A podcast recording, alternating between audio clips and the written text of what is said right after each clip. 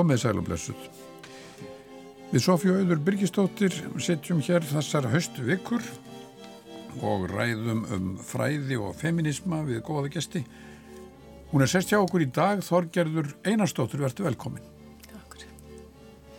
Já, Þorgerður Jennjardóttir Einarstóttir er fætt árið 1957 í Reykjavík Hún lauk stúdensprófi frá mentaskólanum á Ísafyrði árið 1977, bráð sér svo til Gautaborgar og lauk þar fílkantprófi í félagsfræði með sálfræði sem aukagrein árið 1982 og síðar doktorsprófi í félagsfræði frá sama skóla 1997. Eftir doktorspróf var Þorgerður sjálfstætt starfandi fræðimaður og ný doktor við Háskóla Íslands frá árinu 1998 til 2000. Þorgerur var síðan ráðin lektor í kynjafræði við Háskóla Íslands árið 2000 og var svo fyrsta til að gegna því starfi. Hún var síðan dósend árið 2004 og profesor 2009. Nú, Þorgerur hefur stundað aðskiljarlegar eh, rannsóknir.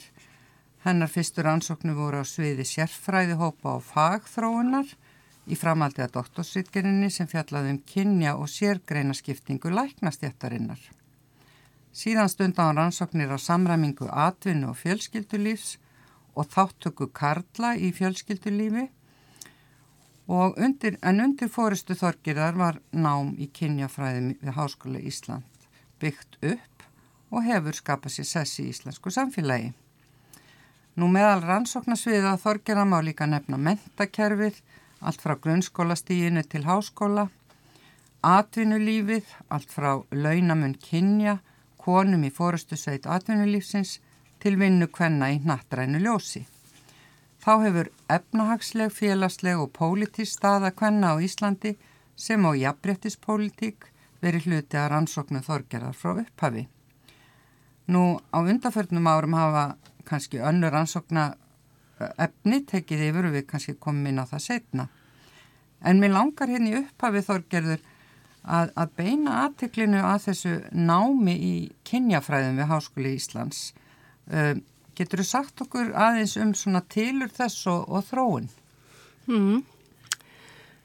Námið er sett á lakirnar uh, árið 1996 sem aukagrein í kvennafræði sem samstarf uh, hugvísinda, nei fyrir ekki heimsbyggjadeldar eins og hér þá og félagsvísindadeldar uh, en það átti sér þá talsvert langa forsögu og byrjar eiginlega svona upp úr 1980 sem einstök námskeið frá, frá kvennafræðilegu sjónamiði aðlið í, í hugvísindum og félagsvísindum. Og það var að, að mestu leitu aðalega sagt, að frumkvæði einstakra kennara. Já. Þannig að það var búið að vinna mjög mikið brautriðanda starf þegar þetta er sett á lækjurnar hana 1996 og þannig búið að gera þessu einhver leiti skil í hérna Sýrið Mattiastóttir skrifaði kabla í háskólasöguna sem að gera þessu skemmtilega skil að það var hræringa meðal stúdenda hérna uh, 1974 um jafnbryttismál og farið svona ymbra á, á kjænslu og fræðslu.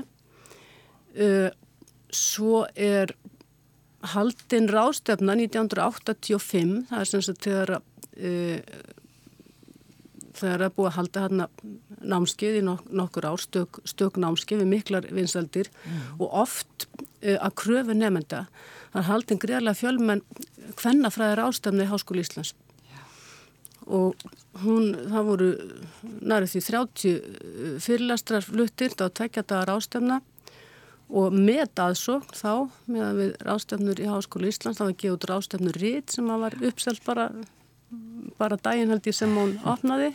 Þú marst sjálfsagt vel eftir já, þessu Sofi og hérna og hún var mjög vel hefnuð, upp úr þessu fara konur í félagsvístadelt á stúfana og, og óska eftir að námverði sett á lakirnar eh, semst í, í kvennafræði aukagrein. Uh, því var en, ekki sérlega vel til í byrjun?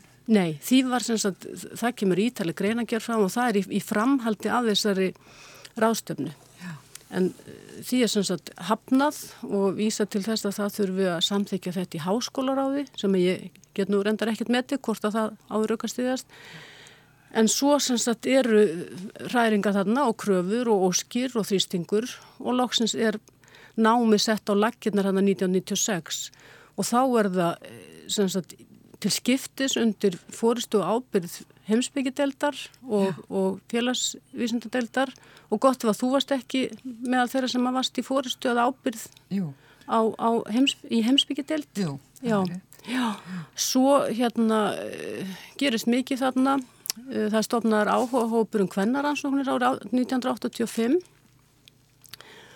og hann vinnur öttulega svona að framgangi í máluflokksins sem verður til þess að hérna uh, rannsóknastofi Kvennafræðum er, er stopnarnir 1991 og hafi verið starfandi þá uh, á þessum tíma, árin áður en að námið setja stað.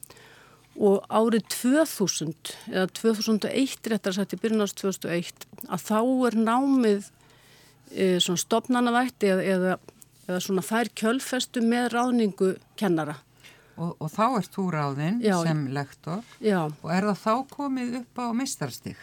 Nei, það Nei. er ekki komið á mistarstík það og mér langar að halda þetta til haga að ég ekki fyrsti, hérna var ekki fyrsti stund að kenna hana sinna þessu, það var Anna Dís Greta Rúdolsdóttir sem var í Breitlandi til hérna skamstíma eða til hérna langstíma já, og er nú komin aftur heim. Já, já.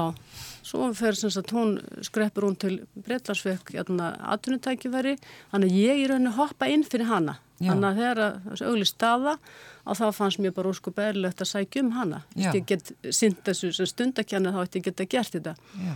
Þannig að þarna er sem sagt ráðin kennari og svo er ekki fyrir 2005 eða réttar að sagt 6 sem að formlega hefst þarna framhalsnámið.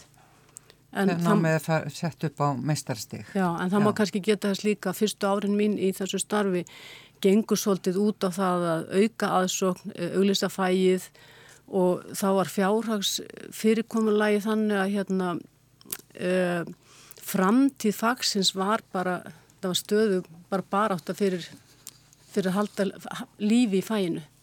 Mm. Þannig að fækkaði eitt árið að, að þá bara lág ég á nóttun og taldi nefendur. Dugir þetta nú til þess að fólk trúi á þetta.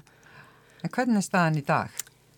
Stan í dag en og þannig held ég að eh, hoppum bara til dagsins í dag að þá myndi ég nú halda að það sé námið sé búið að vinna sér sess Já.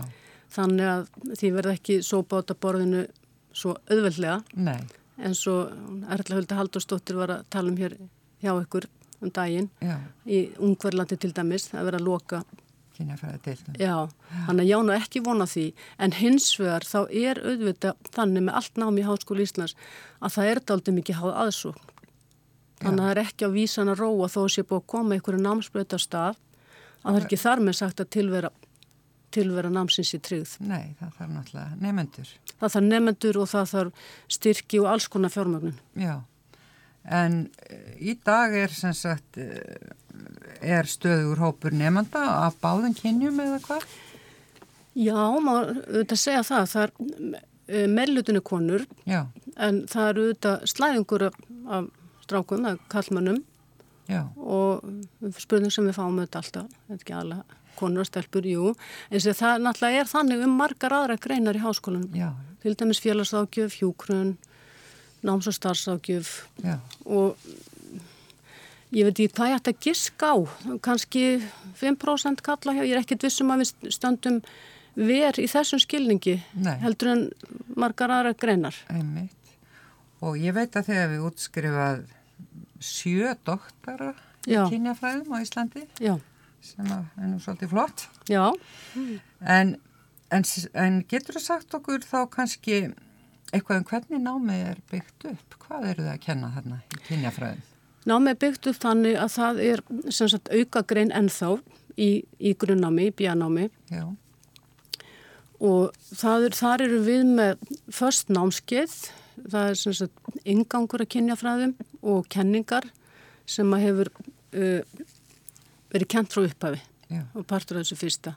Svo erum við með námskeið sem við kallum Suðpott fræðana, þar sem við tökum svona á því svona helsta sem er á döfunni Þá sækja nefnendur fyrirlestur og viðburði sem eru í gangi og vinna út frá því og svo erum við með uh, fast námskeiðs uh, frambóð hinsegin fræði, búin að hafa það alveg síðan 2003 uh, sem er kent annarkvort ár mm. og við höfum haft það í bundnu vali á móti námskeið sem heitir kallar og kallmerska. Í rauninu ættu við að vera með að flestir taka bæði. En þetta er svona grunnframbúðið í bíanáminu og svo er gríðarlegu fjöldi valnámskeiða. Þannig að námið er mjög þverfræðilegt vegna þess að fólk velur svo úr öðrum greinum. Og sviðum.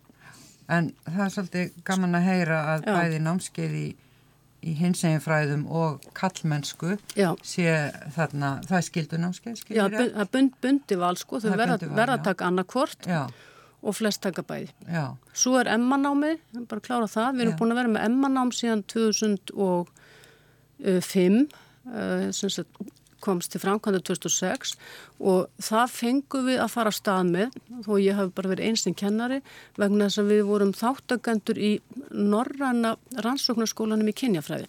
Það var styrt af Norrannur áhverjanemdini og þá höfðum við þess að bakkjarl og þá jafnframt fór á stað doktorsnám og svo þó að styrkurinn kláraðist þarna eftir fjóðu fimm ár að þá komu önnur bjargráð Þannig við hefum haft mistaranám sem 2005-2006. Og þurfum við í raun og vera fjármagna það sjálf?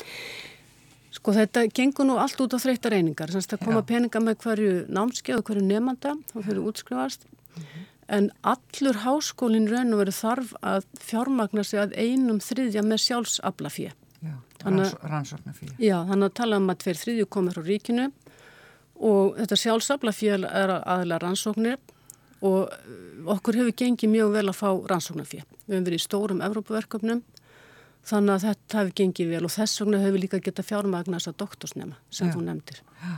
En þú ert ekki lengur eini fastaráði ráðinni? Nei, nei. 2010 þá var ráðin hérna uh, Gíða Margret Péturstóttir sem er enda fyrsti hérna, doktorsnemin, fyrsta útskafast með, með doktorspróf. Hann að við erum tvær. Hún hefur endar verið, var í aðferðafræðikjænslu og er hennar hluti, en hluti af hennar kjænslu skildu er í aðferðafræði. Og hann að við erum tvær og svo höfum við uh, borið gæfu til þess að hafa mjög flotta nefnendu til þess í doktorsnámi og við höfum reynda að fletta kjænslu inn í þeirra nám þannig að þau kenna í námskjónum Já. en það sem gagnast þeim. Já. Þannig að við erum að reyna að passa okkur að því að sé svona begja hagur, doktorsnefnarnir fái þá kjænslurinslu en þannig að sé ekki til að dreifa kröftum yfir okkur annað Já. og það hefur gengið mjög vel. Já. Ef við vika aðeins aftur á þessu með, með hinseginfræðin og, og karlafræðin að það kannski e, sínir aðeglisverða þróun á þessu námi sem uppalega hétt kvennafræði.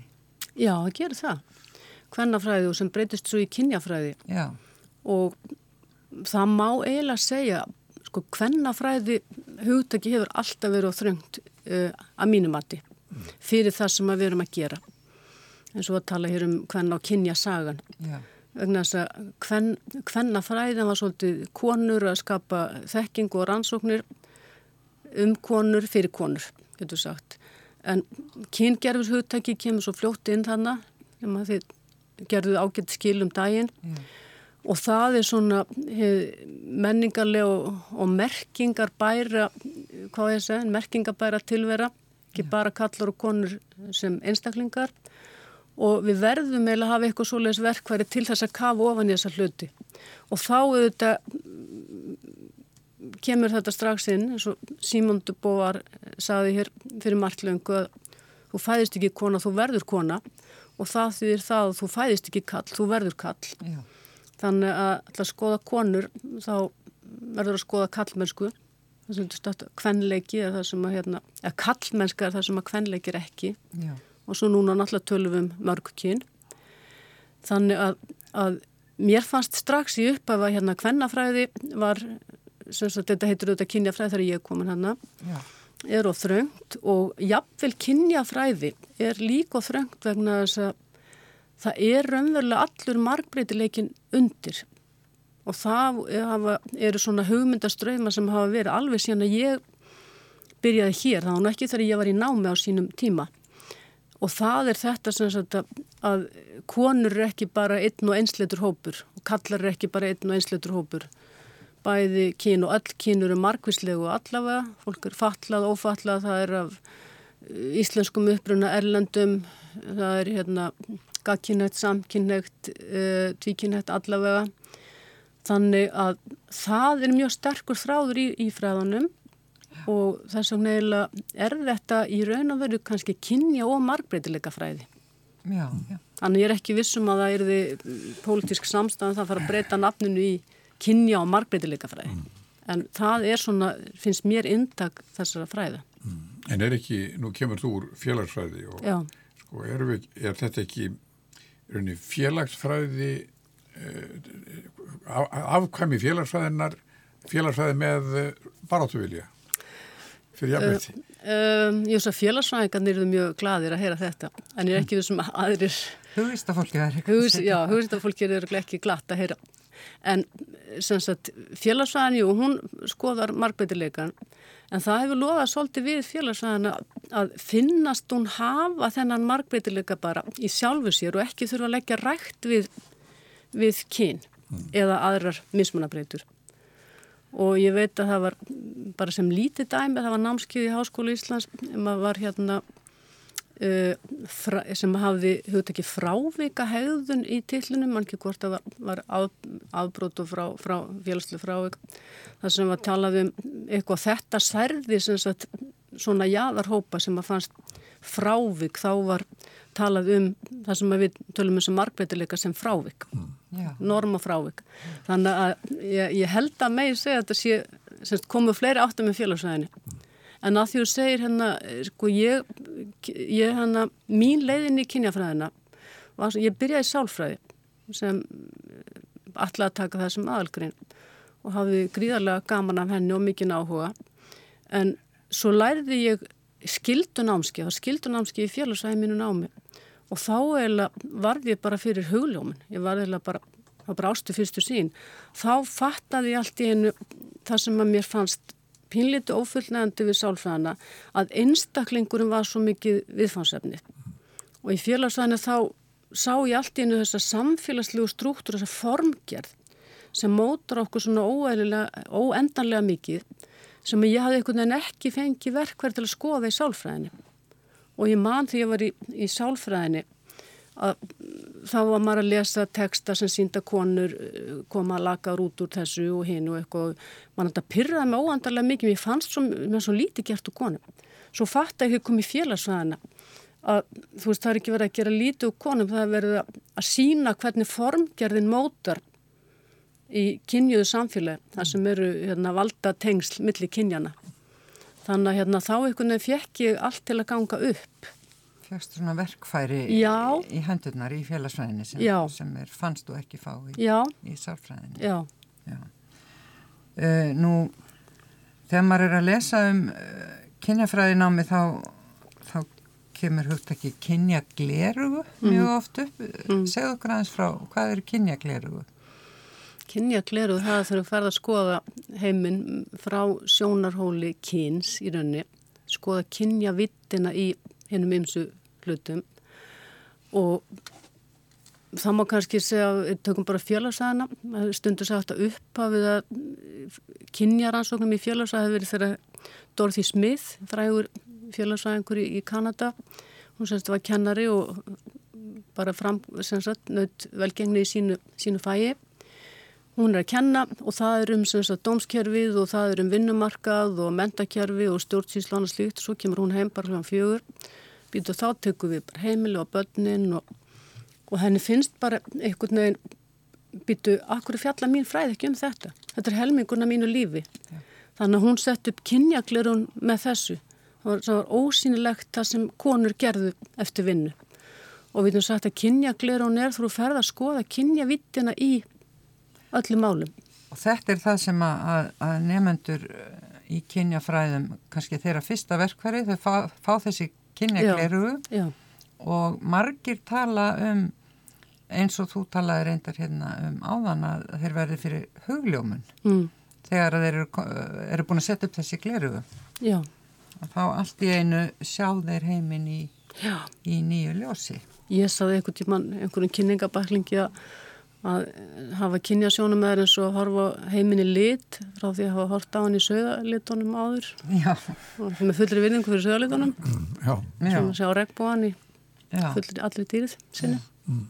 En hefur þetta ekki, er ekki þarna einmitt samt eh, ákveði svona ágreiningsefni í, í fræðunum? Þar að segja um leiðu talar á þessum nótum, þá, þetta minnir nú á þegar, þegar um, marxistar tala um það að það verða að setja upp sko stjættaklerugun mm. og, og það, að það sé þarna sé komin ákveðin eh, afstafa sem ekki endilega samrýmist um, þessu hugmyndin um hinn, hvað var að segja, hinn óháfi vísindi. Jú, það er hérna alveg rétt og það er loða við að mörgum finnst að sé verið að búa til mismun þar sem mann er ekki fyrir hendi ala á ágreiningi og sundrungu. En þá er kannski svari, þetta er svona, hvað er þess að, þekkingarfræðilega pæling, sko, þá er svari það að, að til dæmis að við séum öll á sama bátu um öll sem er hagsmunni og annars líkt, að þá getur sagt að það er sjónarhorn ráðandi abla, þeir sem að hafa hagsmunni af óbreyttu ástandi. Þannig að innbyggt í þetta er svolítið valdatengsl. Hverjir eru það sem hafa skilgreiningarvald yfir heiminu, hvernig heiminn lítur út mm. og tólkuna forræði.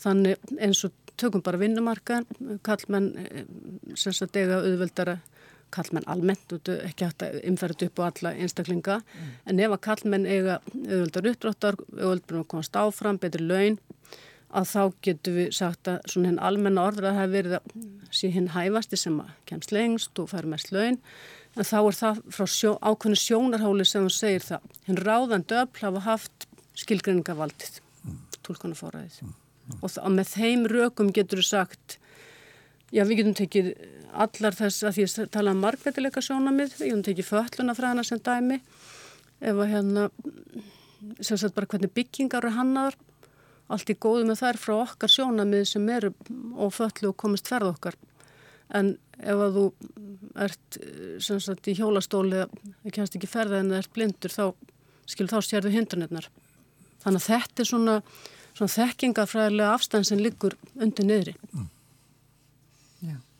og, það, og, það, og, þannig að, og það er ekki þetta hvað sé að stopnana væðing að það að, að kynjafræði er hluti af af stopnun, sko háskólastopnun, það setur, það rugglar ekki glerugun. Um, þú veit ekki alveg hvað þetta er?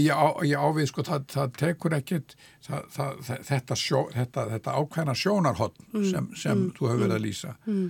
Það, það, það dopnar ekki að það máist ekkit út þó að þetta sé orðið að fastri eila stopnun inn í háskóla samfélagi? Jú, þannig var að við hættun á því að brotturinn dopni þegar, þegar stopna þegar kemst inn í hlíuna.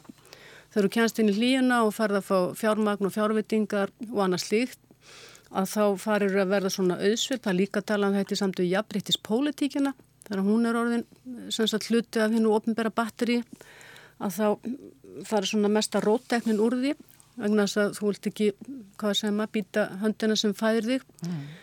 uh, kynjafræðan þarf að ég veit ekki hvort þess að feta einstí það þarf, semst, hún er þetta gaggrínin fræði eins og föllunafræðin og hins eða fræðin og þessar rótæku uh, hvað þess að jáðargreinar en auðvitað eiga öll vísind að vera gaggrínin og þetta er líka umræða sem við höfum almennt bara um kostaðar, stöður og annars líkt erum að rugga batnum á mikið.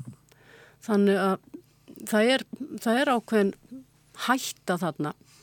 En svona kannski miða við mót, segja, mótbyrinn sem við höfum haft í síðan að kynja fræða náma sett á laginnar, þá myndi ég nú segja að við e, það væri ákveðin ákveðin merkjum sem er réttir leið. Mm. við erum ennþá í einhverjum mótbyr. Þannig að þegar það gustar ekkert um kynjafræðina þegar hún far ekkert hérna engar mótbærur þá eru við kannski orðin gagslus skilur hvað við? Já, en þið eru gladvakandi Já, ég, er mín tilfinning.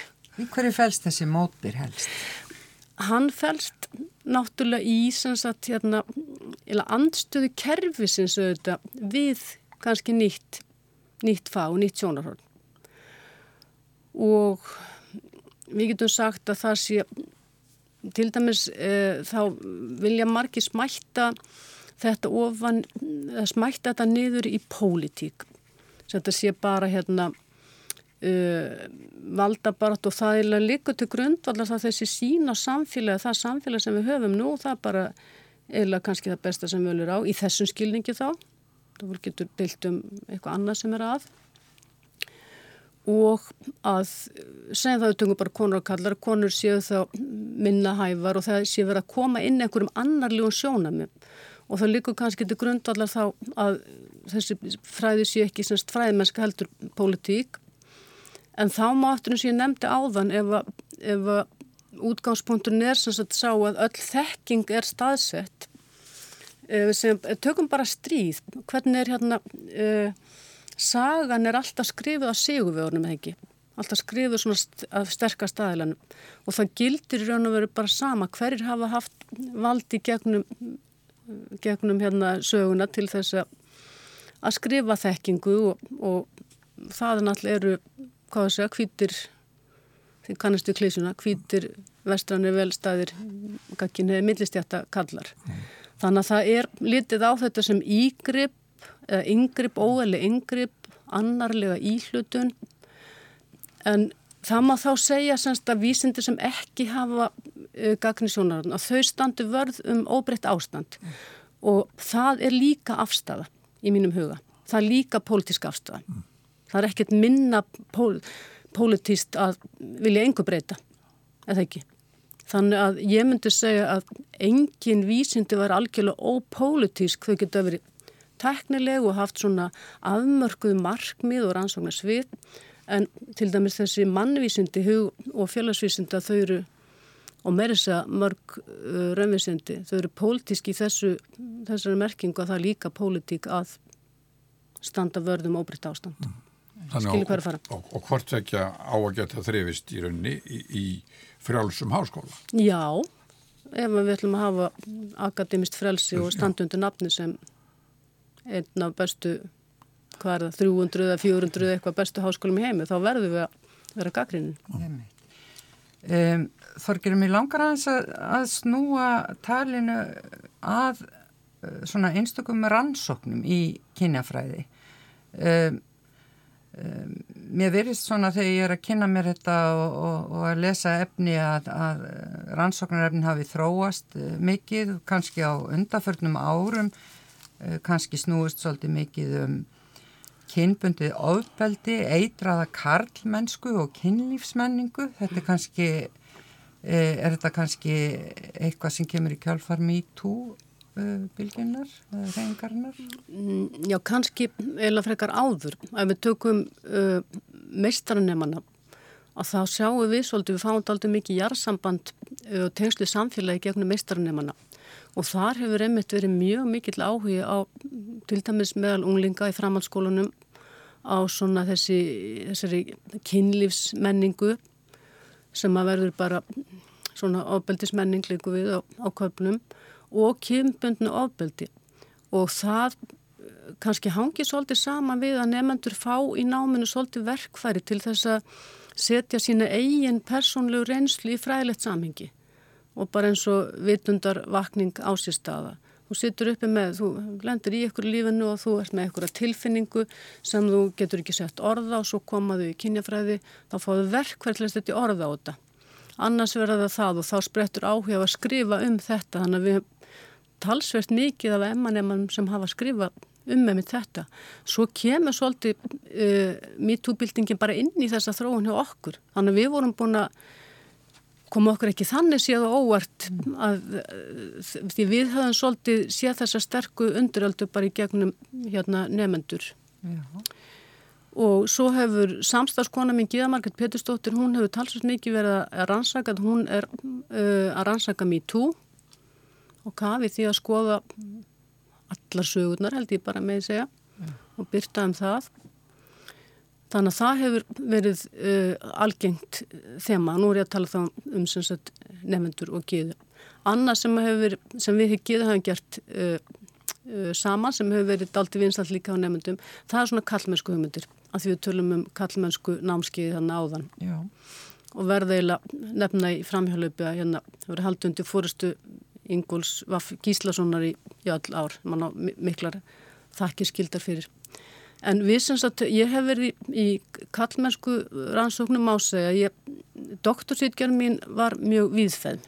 Hún var semst um, svo nefndir á hann um, um lækna, en þar kom ég inn á gríðarlega margt vinnumarkað, mentun, uh, fjölskyldulíf og atunulíf og, og eitt og annað, feðrálof og þar semst að hérna, eitt þráður af því sem ég held áfram með var semst að þetta með fæðingurólu feðra og kallmennsku hugmyndir og eftir hrun þá voru við gíðamarkett fengnar til að gera uh, kynjagreiningu á skýslur ansóknarnemndar alþingis Já. sem var alveg gríðarlega skemmtilegt og, og mikil áskorun. Veitu, hvernig, hvernig nálguðist þið það verkefni? Við sagt lásum, við ætlum bara að lesa þarna uh, nokkra kabla en endum á því að lesa allar, hvað voru þetta, 4000 síður nema helstu svona fjármála teknilu tekstana við hoppum yfir þá Já. og við grindum sem sagt frá kynjafræðilegu sjónamið þannig að við skoðum svona undirlikjandi kallmennsku hugmyndir getur við sagt Já. og það kemur aftur að þessu hugtækjarna kyngerfi hvernig uh, útrásin var alveg byllandi karlæg og þar fléttust saman svona þjóðurnislegar kallmennsku hugmyndir um þetta vikinga orðræðinni Mm -hmm. Þannig að íslenski kallmenn bara báru af öðrum kallmennum í heimi hér. Útrásavíkingar, Útrásar beint sótt í, í forn. Nákvæmlega, Litin, já. já. Og öll svo menning, þannig að við fórum í gegnum í raun og veru uh, aðdraðandan, öll þessu sem er helstu fundi og, og viðburði og atbyrðar ás og settum upp kynjaklerum og skoðum þetta, hvernig þetta var bæði samkeppni og samtrygging og, og hérna og þetta hefur orðið okkur, þessi skýsla, þessi vinna hefur orðið okkur ágætt uppspretta að hérna greinaskriðum. Þannig að við skriðum grein með, með amerískri samstagskonu okkar um uh, hvernig í raun og veru gatt þetta gerst hér á Íslandi sem hefur mælist svona hátt í eðbreytti með, með allt þetta ofinbæra regluverk og kerfi. Við erum með mjög upplugt svona ofinbært kerfi í eðbreytismálum, eðbreytti stofu, lög, femokrata, starfsfólk innan, innan stjórnsíslunar og svo framvegir en á sama tíma er þarna eitthvað svona efnarslegt kerfi undir niðri sem er algjörlega kallegt og sem er raunni texta að sigla hérna uh, samfélaginu í, í þrótt því það er svona almennt tala þó að sé ekki beina mælingar á milli það er almennt tala að þeim er meira sem kynniðabrittir að þeim er minni sér spilling Þannig að þetta kom mörgum á óvart. Þetta hefur sem sagt þá verið orðræðugreining fyrst og fremst. Það var algjörlega orðræðugreining. Orð, orðræðu og inni, innihaldsgreining á Já. skýslunni. Og það er svolítið skemmtilegt sko að, að sumir fór að kalla þessar að kalla rannsókna skýsluna Íslendingasögur hinnar nýri uh, af því það var alltaf þessi beina tenging við orðræðu Íslendingasagna, vikingana og og gera strandtök og, og allt þetta. Nákvæmlega. Uh, Nú en uh, svo sínist mér að uh, núna séu rannsóknin að farnar að snúa svolítið að hins egin menningu og, og sérstaklega trans. Já. Þú sagt okkur frá því? Já, ég hef kannski verið með þrjú svona stórverkefni síðast, síðastlega ár. Það er semst konur í stjórnum, uh, við stjórn aturlífsins, kynjakota í, í fyrirtækjum og stórt Európaverkefni um kynju fjármál og svo er ég sem að það er svona kannski nýjasti þráðun hjá mér og það sem að svona nýtt og ferst fyrir mig svona til að endur nýja mig svolítið fræðilega. Það er svona transkynja málefni Já. og þar er ég að vinna með, með amerískri samstagskonu. Uh, við gerðum uh, stóra viðtalsansók hérna, tókum viðtal við hérna fólk í, í feministarhefingunni eða sem var viðlóðandi hanna, eh, transfólk og úr hinsveginn samfélaginu. Og það sem við höfum uppalega áhuga á, það var hvort þessar reyfingar innu saman og styttu hver við aðrið eða hvort það væri í samkefni. Af því þegar kom þessi útvíkun jafnbryttis hugtaksins á sínum tíma konur hefði gengar rétt á jafnbreytti að þá var ákveðin ræðslega í gangi að, að þetta myndi drepa á dreif hvennabartu. Já. En svo ég sagði á þann að þá finnst mér þetta haldast í hendur. Minnst ekki hægt að tala um hvenna sjónum minnum að taka markbreytileikan. Og þetta höfum við verið að skoða núna í nokkur ár, búin að byrta tvær greinar og Já, þetta er svona kannski, fyrir, fyrir mig, sko, það er svona líðræðis kannski ykkur þráður, hérna, þetta er hópu sem að, auðvitað þarf að rannsaka Já. Og svo líka er þetta svo mikil enduníun og uppstokkun, þetta hræri svo upp í öll í höfðin á manni, Já. þannig að þetta er svo mikil, þetta er svo mikil inblástur. Og ekki, ekki raun og veru svo mörg ár síðan að við heyrðum orðið trans fyrst hér á Íslandi. Já, nákvæmlega. En hvað segir þá um, um, um uh, þína stöðu sem hvít, sískinja, uh, heterosexuál kona að nú, nú er þetta orðið svo, maður heyrir mm, þetta svo ofta að, mm, mm. að það er ekki hver sem er að rannsaka hvað sem er. Nákvæmlega, þetta gefur mér náttúrulega, sko við erum báð, bæði ég og þessi ameríska samstafskona mér, við erum báðar hvítar uh, gagginheðar millistjæftakonur og sískinja en það hefur verið með okkur hérna uh, kona úr hins einn samfélaginu að með okkur frá upphafi. Svo þurftu hún að hverfa til annan starfa. Þannig að við hefum passað upp á það að vera með samstagsfólk og hún hafði mjög góð tensli reyfinguna en svo gefur þetta okkur líka auðvitað mjög gott tækifæri til þess að horfa á okkar eigin forritindi gaggrínum augum. Þannig að mér finnst að það má heldur ekki gleymast að segjum til dæmis að ég, maður getur ekki, ég trúi því ekki að þú getur ekki bara, sagt, ranns, getur ekki rannsaka hóp nema tilhörun sjálf. Annars hefði ég ekki getað rannsaka lækna, þannig að ég er ekki læknir. Mm. Og ég held að mannskefnan hafi hæfileika til að setja sér í spór annara og það er bara ennþá meiri áskorun að setja sér vel inn í hluti og sína þá auðmygt eins og til dæmis í, í þessu auðmygt gagvart sínum forrættundum og þannig að ég, ég hef svolítið það sjónarhórn en það er mjög mikilvægt og við hefum leitast við að hafa alltaf samstafs aðila úr ég, hófnum. Ég verða að fá að stoppa ykkur hérna með þetta, þetta hugtekstinni nótsuð báðar að náðan, sískynja mm. hvað ég óskupónum er það? Ég held að hlustundur átti sér alls ekki að hvað er að tala um. Það er þegar, þú, þegar líkamiðinn er í samræmi við þína kynvitund. Ég sagt, er, ég er lífræðilegri kona og ég hef þá kynvitund, mér finnst ég vera upplöfum með sem konu. Hvernig er þetta orð með, þetta er algjörlega ógægt? Þetta er svona sísu, þessu transatlantik, Trans, já. Það, það, er, það sem er hinum megin Allandshafsins og sís er þá hérna megin. Já, þetta er alltaf eins og, þetta er latína það er að segja sísalpína og, og transalpína já, úr, úr galarstriðunum. Þannig er þetta sem sagt komið, trans, svo var það nú eitthvað rætt á tímbili hvort þetta veri gott orð á íslensku því við höfum þetta transfytursýrur og eitthvað svona. En ég held að þetta sé alveg viðtekið sko, en svo núna fara að tala um miklu meira sérst kynsei, non-bind trans var í raun og veru þetta sem að gengur út á kynleðritinga, fólki sem finnst að fæðast í raungum líkama. Mm -hmm Svo var svo orðra að gaggrinda hérna að það er alls ekki allir, þannig fólk er líka bara miklu meira með óræða kynvitund, þannig að við höfum mikinn margbreytileika þarna líka. Fólk sem vill ekki skilgrana sig, handan allra tvíhyggju.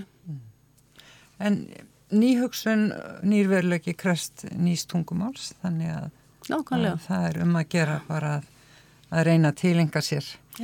E, ný orð og og ég veit að, að það geta allir farið á heimassíðu ég held samtakana 78 og farið þar inn í orðabanka. Já, svo er líka sem, mjög góð síðan sem heitir hinsegin frá O til A. Já, emmi, það er eiginlega það sem ég er að vísa Já, hún er mjög öflug. Þar er öll þessi hugtök Það auður Magdís, auðardóttur og Íris Ellenberg átt ekki saman.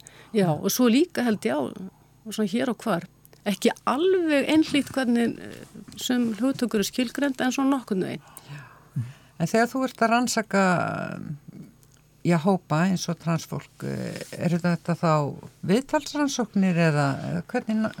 Já, í raun og veru bæði, bæði viðtalsrannsóknir og, og svo höfum við, ég og Díld Jósefsson, þessi samstarfskona mér, við höfum líka að skoða bara stefnur og, og semst ofinberplögg og svona hugmyndarlega stóðir þeirra þannig að það er bæði, bæði og.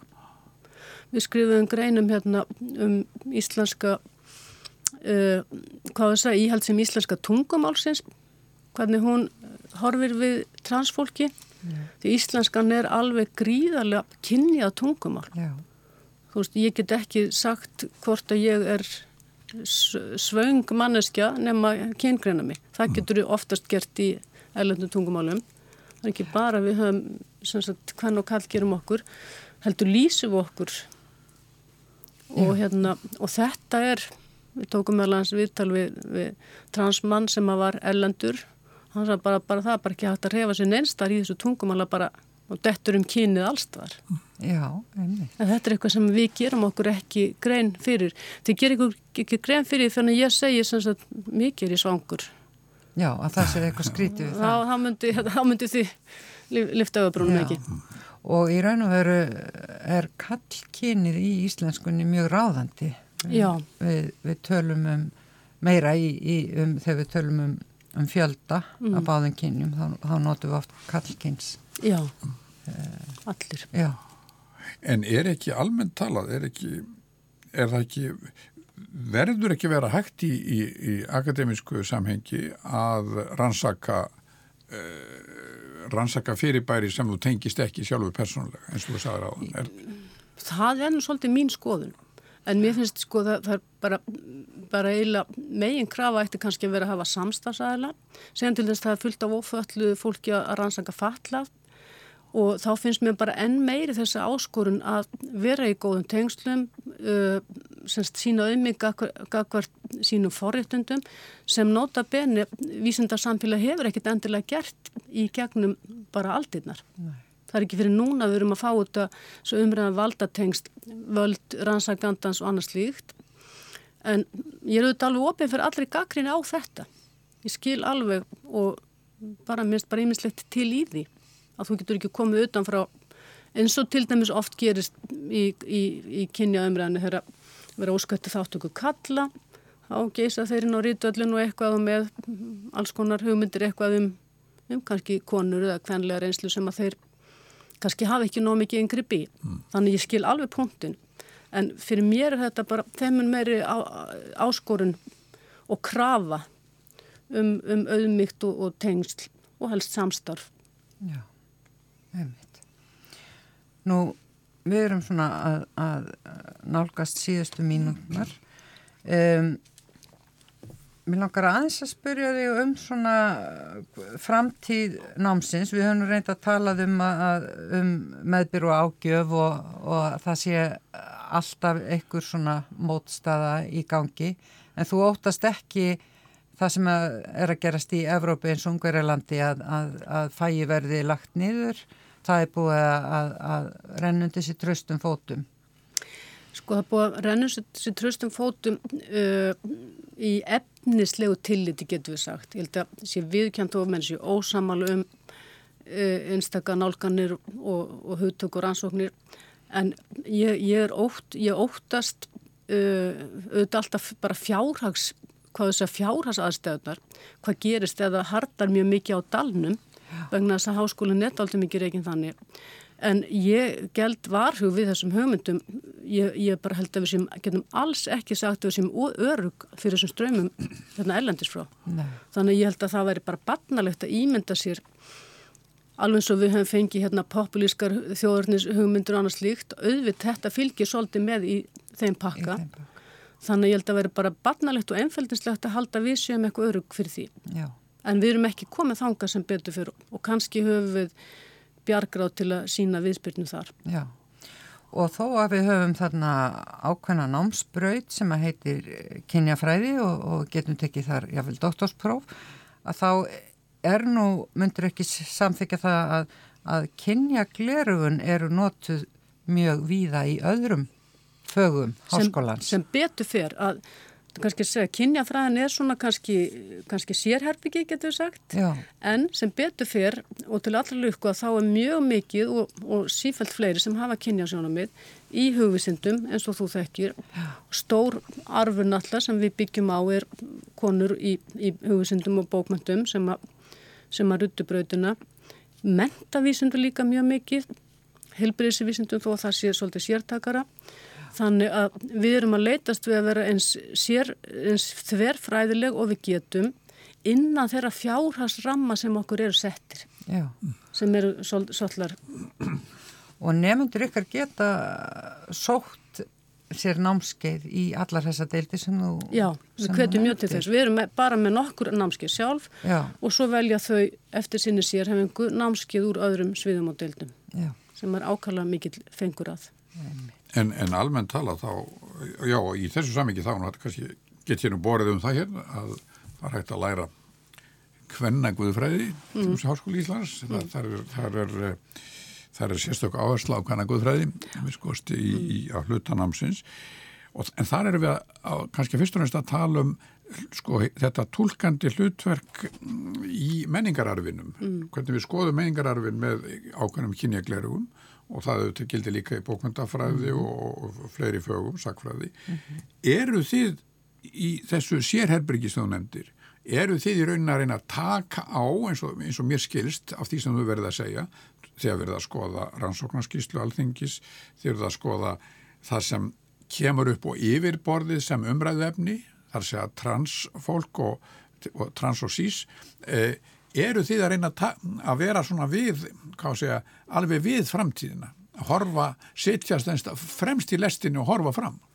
Já, þetta er hvort ég myndi segja, það var nú kannski hrókafullt að segja það, við sem reyna að vera framarinn aðrir, en við svona hefum svolítið tengsli samfélagi. Það kannski kemur að því að ég hef félagsfæði bakgrunn, það hafi gíða líka í upphafi, að samstagskona mín. En, en allar þessar, allt sem hún nefni, Guðfræðin og allt þetta, það hefur gefið okkur ofsalega mikinn inblástur og miklu fleiri verkværi heldur en við hefðum áður, Hef, hefðum annars. Þannig að við erum að nota til dæmis bókmæntafræði, sálgreining, alls konar hugtök og verkværi þaðan, nýtast okkur í kynjafræðinni. Þannig að við erum, þó ég segis ég er herbyggi, að þá er mjög, það er bara lífsmarki okkar er að hafa tengsl við alla heina. Svo fáum við nefnendur úr öllum greinum, til dæmis mistarnefnarnir hjá okkur, þeir eru bara með auka greini kynjafræði að þeir hafa það, komur öðrum greinum, þannig að það er líka svo mikil, sem sagt, segja, eh, lífsnesti fyrir okkur. Þar fáum við svo, þar veita þau inn því sem að þau hafa verið að gera í sínum greinum. Þau geta komið úr, úr hugvísundum, félagsvísundum, þess vegna já. úr viðskiptafræði. Og við erum með, eða, dæmis, já, við erum með leiðbennendur, við leiðbennendur sem við erum á okkar sviði. Svo fáum við leiðbennendur af öðrum sviðum ef, ef efnið er þannig.